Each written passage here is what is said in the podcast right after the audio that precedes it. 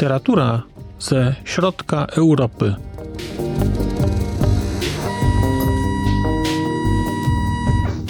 Podcast około książkowy.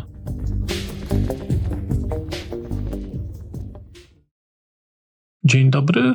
Witam Państwa w kolejnym odcinku podcastu Literatura ze środka Europy. Sprzed mikrofonu kłania się Państwu Marcin Piotrowski. Zapraszam dzisiaj po raz trzeci do spotkania z twórczością Lajosza Grendela.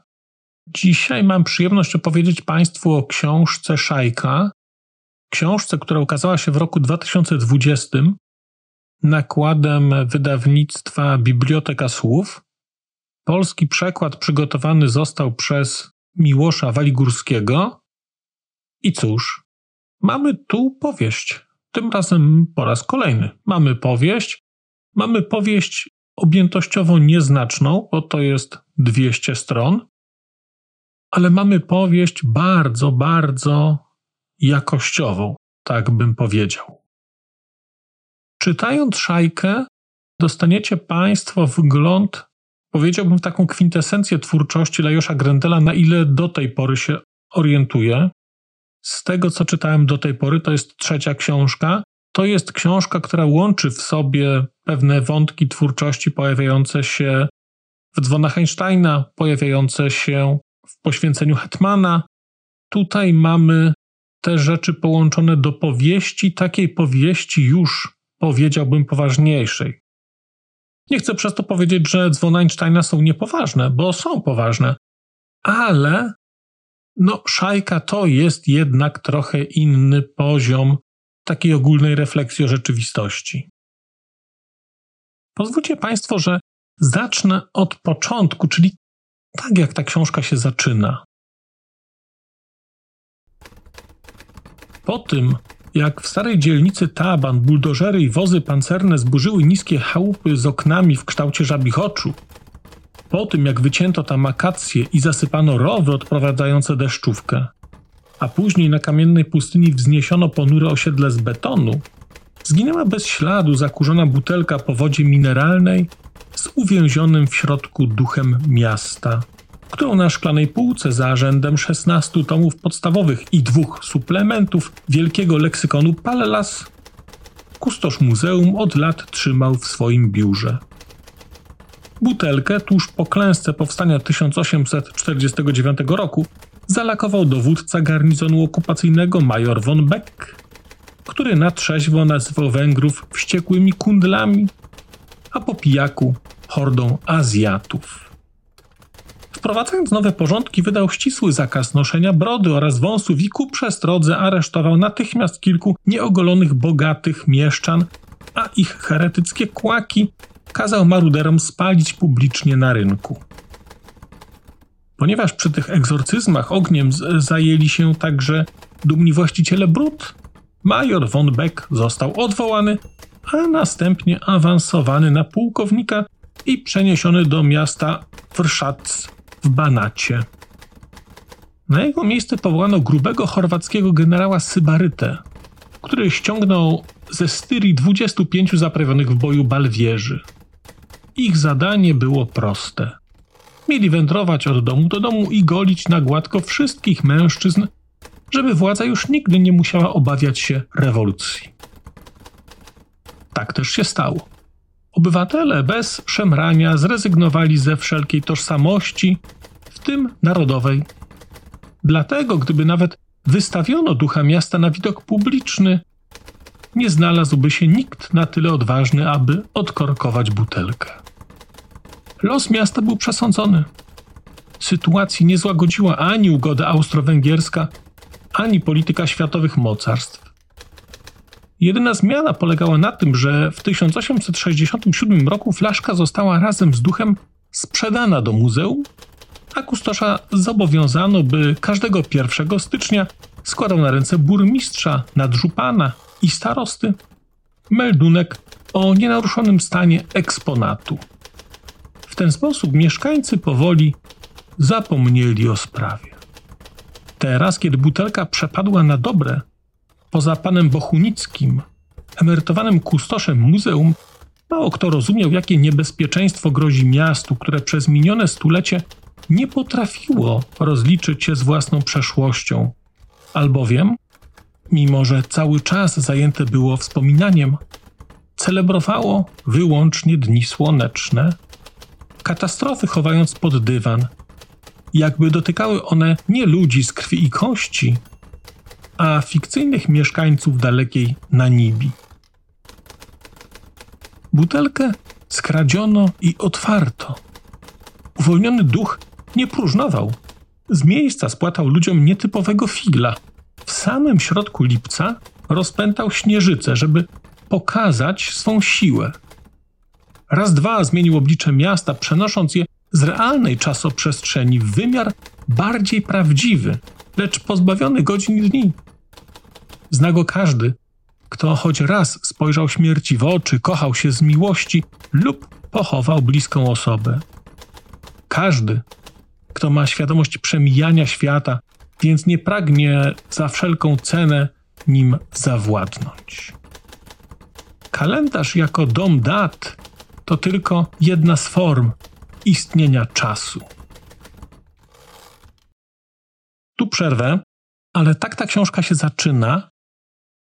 No i co mogę powiedzieć? No, sam koncept ducha czasu, sam koncept tego, że on jest zamknięty w butelce, sam koncept tego, że zostaje uwolniony, ten krytycyzm wobec społeczności tego miejsca, wobec tego przyglądania się historii, patrzenia tylko na te dni słoneczne, to jest przepiękne. To jest przepiękne. A powiedzmy sobie jasno, że przeczytałem Państwu dwie strony tej książki, a tych stron i podobnej refleksji jest 200.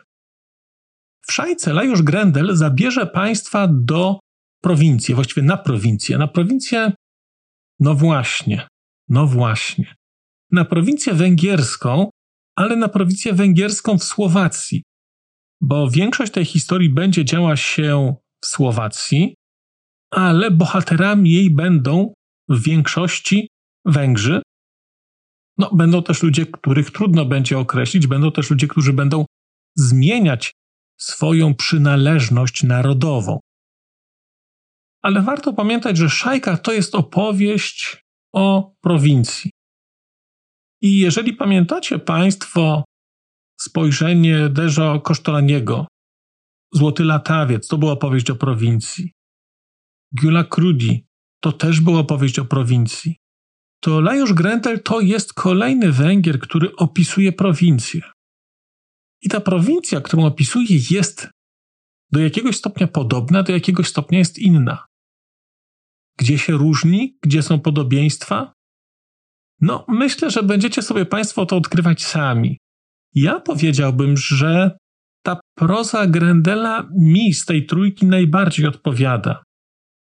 To jego poczucie humoru, ten jego dystans do słowackości, do węgierskości, do mieszanych tożsamości, do tego, co robi się, żeby przeżyć, żeby żyć godnie, jest wyjątkową mieszanką czegoś, co nazwałbym życiowością, z głębokim patriotyzmem, takim patriotyzmem, który nie przekracza granicy i który sprawia, że kochamy swój kraj, co nie znaczy, że nie możemy go krytykować. To więcej, to oznacza, że powinniśmy go krytykować. W tej książce, czyli w Szajce, chyba najwięcej z tych książek, które czytałem do tej pory, jest rzeczy dotyczących relacji węgiersko-słowackich. One są tu pokazane w miejscu, które przynależność administracyjną zmienia. I ten świat, który tu jest pokazany, jest takim światem, który przepływa. To jest taki świat labilny. To też tożsamość tych ludzi jest także labilna. Są ludzie, którzy są bardzo przywiązani do swojej tożsamości, a którzy są do tej tożsamości przywiązani nieco mniej. Proszę posłuchać, jak pięknie brzmi na przykład taki fragment. Pana Bochunickiego ogarnął strach, którego nie był w stanie rozproszyć nawet jego poprzednik, Michał Matusz. Burmistrz odwiedził go zaraz po wizycie prezydenta, chociaż na co dzień utrzymywał z nim bardzo luźne stosunki, przede wszystkim dlatego, że na początku lat 50. Matusz został wyrzucony ze stanowiska, osądzony w procesie pokazowym i wtrącony do więzienia.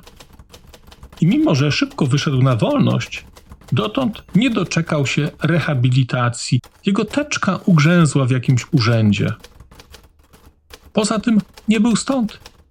A pan Bochunicki wobec przybyszów zachowywał się z większą rezerwą niż wobec miejscowych. Zwłaszcza, że Matusz przyłożył też rękę do Gehenny Węgrów po 1945 roku, czego nie potrafił mu zapomnieć. Dlatego czuł coś na kształt zadośćuczynienia, kiedy tamten w 1952 roku poleciał ze stanowiska, choć sam przecież poddał się resłowacyzacji, deklarował narodowość słowacką i z żoną rozmawiał w towarzystwie wyłącznie po słowacku. Dopóki w ogóle ze sobą rozmawiali. Tylko jeszcze śnił po węgiersku. Kiedy zrywał się z koszmaru, myślał w tym języku, póki nie rozbudził się na dobre. Źle spałeś? pytała wtedy żona. Skąd wiesz? Bo znowu wykrzykiwałeś coś po węgiersku. Ta wizyta prezydenta tutaj to jest wizyta prezydenta Czechosłowacji. Tu pojawia się postać Nowotnego, który wizytuje to miasteczko, który ma, jak to dobry przywódca, ma rady i wskazówki na miejscu, udziela jak sam wielki wódz. Ale nawet ten fragment pokazuje, taki humor. Ta książka przepełniona jest bardzo, bardzo inteligentnym humorem. O ile w dzwonach Einsteina ten humor był taki bardzo wprost, to było mocno satyryczne. O tyle tutaj ten humor jest ukryty między słowami, jest ukryty w sytuacjach, jest ukryty w krótkich takich wtrętach. No sam ten wątek o tym, że węgierskość się wyrażyła wtedy, kiedy budził się w koszmarze, no coś cudownego. Ale w ramach tych stosunków węgiersko-słowackich jeszcze jeden fragmencik pozwolę sobie Państwu przeczytać. Tak czytam te fragmenty dzisiaj, bo to jest kolejna audycja, to jest kolejna opowieść o książce, którą będę chciał bardzo pogłębić w ramach audycji z Miłoszem Waligórskim. Tak się z Miłoszem umówiliśmy, że o tych wszystkich książkach trochę porozmawiamy, więc ja tylko daję taki, no, przedsmak to pochlebiam sobie mówiąc, że to przedsmak. Więc wróćmy do Lajosza Grendela i do fragmentu, w którym pisze on tak. Co ciekawe, nie chodził do kościoła. W domu nie było takiego zwyczaju. Jego ojciec, urzędnik państwowy, bał się, że wyrzucą go z pracy, jak tylko przekroczy próg świątyni. Musiał wybrać kościół czy urząd. I wybrał. Chociaż później się okazało, że niepotrzebnie postawił na lojalność, bo i tak dostał wypowiedzenie. Nie była to więc kwestia decyzji, lecz akomodacji. A to niewiele. Z tej porażki ojciec wyprowadził wniosek, że w gruncie rzeczy wybór nigdy nie należy do nas, tylko do okoliczności. Nasz los określają dwie rzeczy, tłumaczył dla przykładu. Po pierwsze, to, że jesteśmy Węgrami, a po drugie, że świadomie ewentualnych konsekwencji chcemy nimi pozostać.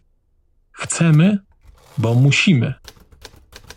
Wyobraźmy sobie ogrodnika, któremu amputowano nogi, więc sekator trzyma w zębach. Albo śpiewaka z metalową krtanią. Nie ma innej rady. Jesteśmy skazani na heroizm. No i właśnie spotykamy tutaj ludzi skazanych na heroizm, ale ten heroizm jest bardzo, bardzo specyficzny, bo jeżeli spodziewacie się Państwo, że są tutaj bohaterowie, no to to bohaterstwo jest na pewno innego rodzaju niż to, do którego my jesteśmy przyzwyczajeni. Dlatego, że szajka jest opowieścią o przeżyciu, o sztuce dostosowywania się, o takiej mimikrze, o wklejeniu się w jakiś układ, o przeżyciu. No, bardzo, bardzo to jest interesujące, pokazuje taką zupełnie inną rzeczywistość i zupełnie inny komunizm. Bardzo podobało mi się u Grendela pokazanie prowincji i takie piękne opisanie jej, pokazanie kwintesencji tej prowincjonalności.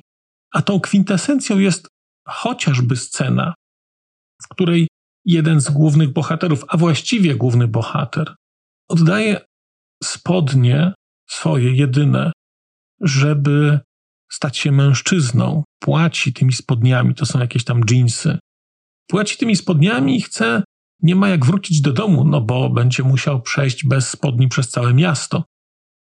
I okazuje się, że jest już północ. I on nadal nie wie, jak się przemknie przez miasto, bo będą tam ludzie przecież. Po czym uświadamia sobie jedną rzecz, którą Lajos Grendel opisuje tak. W tym mieście o północy wszyscy śpią.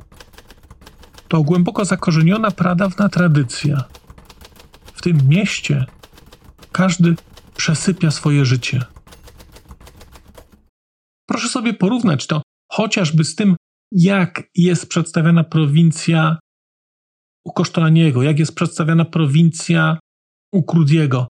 To są miasta, gdzie przesypia się swoje życie.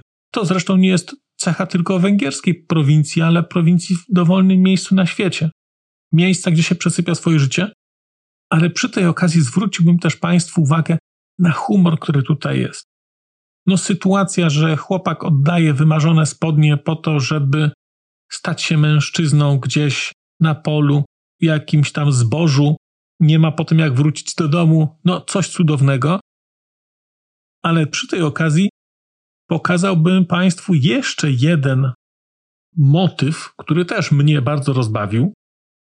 I to jest też dla mnie cecha prozy Grendela, czyli w porównaniu do Krudiego dużo większy szacunek dla kobiet. Nawet nie powiedziałbym, że większy, bo po prostu tutaj nie ma wątków antyfeministycznych jakichś. A może nawet u Krudiego one nie były antyfeministyczne, ale tak brzmiały. Tam była jakaś taka, no nie chcę powiedzieć, że pogarda, bo to za duże słowo, ale takie traktowanie z góry, bardzo paternalistyczne takie spojrzenie. A tutaj mamy zupełnie inną historię, mimo że oczywiście kobiety są tutaj bohaterkami, a jak żeby inaczej. No bo proszę posłuchać następującego fragmentu. Od Deżo pastora wyszli wyczerpani. Tuż za progiem pan Bochunicki, jak się okazało, pierwszy kobieciarz w powiecie, chcąc wzbudzić w Elu wiarę i ambicje, odezwał się w te słowa. Szanowny Elu, z twojego zwieszonego na kwintę nosa i cierpiętniczego wyrazu twarzy oraz z wielu pomniejszych znaków wnioskuję, że masz już powyżej uszu mojej gadaniny i dzisiejszy wieczór najchętniej spędziłbyś w objęciach jakiejś damy. L pod presją dowodów przyznał się do winy. Nie przeczę. Właśnie to chciałem usłyszeć. Pan Bochunicki aż zatarł ręce. Proponuję zatem udać się niezwłocznie do panien Chorwat. Tak zróbmy, zgodził się ochoczo L. Chodźmy do panien Chorwat, mimo że Bóg mi świadkiem, nigdy o nich nie słyszałem. Pomyślał, że za kilka dni skończy 25 lat i że wcale nie tak dawno wiązał z tym dniem wielkie nadzieje. Spodziewał się zmian, bo jak sądził, w tym wieku powinien się wreszcie ustatkować. Jednocześnie zdawał sobie sprawę, że wielkie zmiany zazwyczaj poprzedza okres dojrzewania, bezwiedne, lecz tym bardziej pilne przygotowanie organizmu do prawdziwej próby sił. Tymczasem on nie zaobserwował u siebie żadnych sygnałów zwiastujących metamorfozę. Raczej czekał na cud. Tak jak czuwająca przed katafalkiem rodzina czeka na ostatnią, niosącą ukojenie wiadomość od zmarłego, choćby taką. Jestem w zaświatach, właśnie mydlą mnie aniołowie, na moim grobie posadźcie pelargonię. Kim są panny Chorwat? To kobiety pracujące. Ile ich jest? Trzy, wyjaśnił emerytowany dyrektor muzeum. Trzy plus matka. Najstarsza, Ibolia, jest maszynistką, Ranka ekspedientką, a Lea zajmuje się domem. Czyli nie kurwy, L nie krył zdziwienia. Pan Bochunicki skarcił go wzrokiem. Z pewnością nie jest to ich główne zajęcie. No właśnie, nie jest to ich główne zajęcie. Bardzo Państwu szajkę polecam. To jest przepiękna książka pokazująca życie na pograniczu. Przepełniona humorem, bardzo, bardzo inteligentnym, jednocześnie książka, która jest głęboko polityczna, w takim sensie, że pokazująca to, jak ludzie zachowują się w trudnych czasach, jak te czasy wymuszają na nich pewien zestaw zachowań.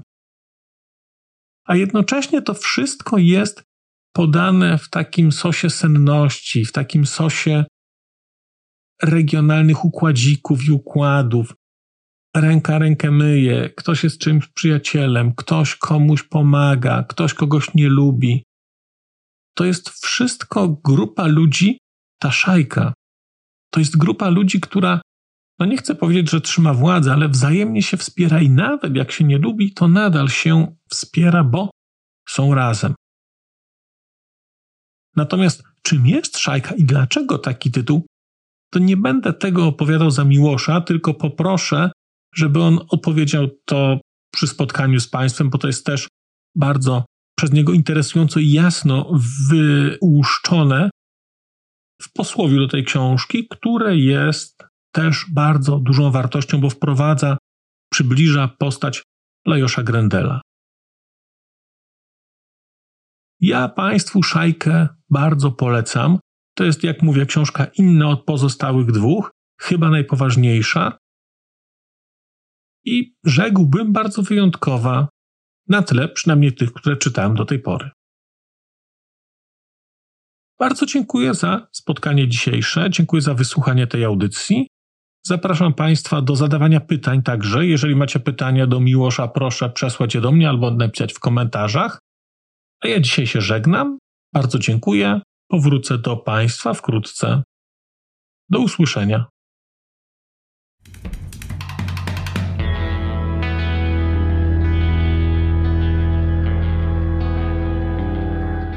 Bardzo dziękuję Państwu za wysłuchanie tego odcinka, bo skoro jesteście w tym momencie, to znaczy, że wysłuchaliście go do samego końca.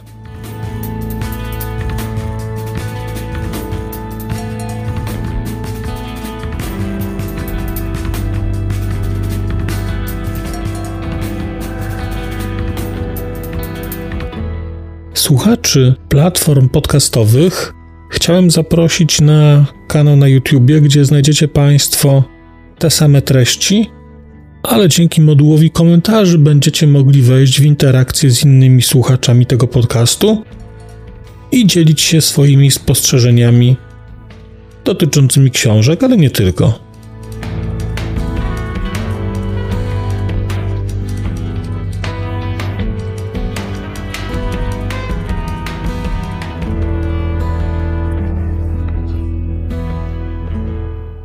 Oprawa muzyczna tego odcinka została zrealizowana na bazie muzyki słowackiego zespołu Longital.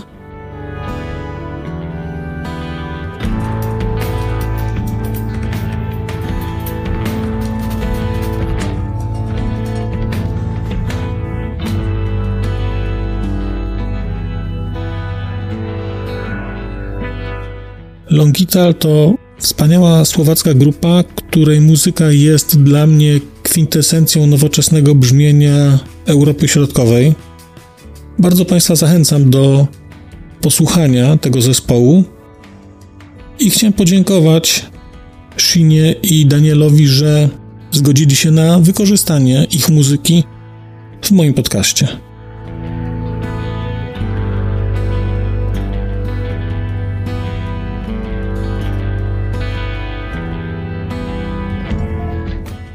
Krzysztof a Daniel, Děkujeme vám velmi pekne, že ste nám umožnili použiť vašu hudbu.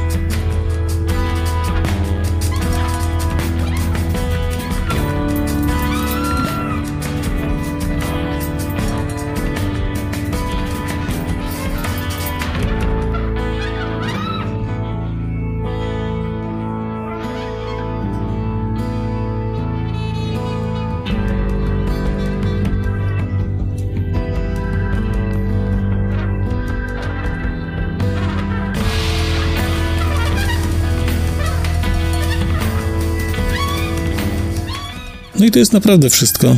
Dziękuję i do usłyszenia.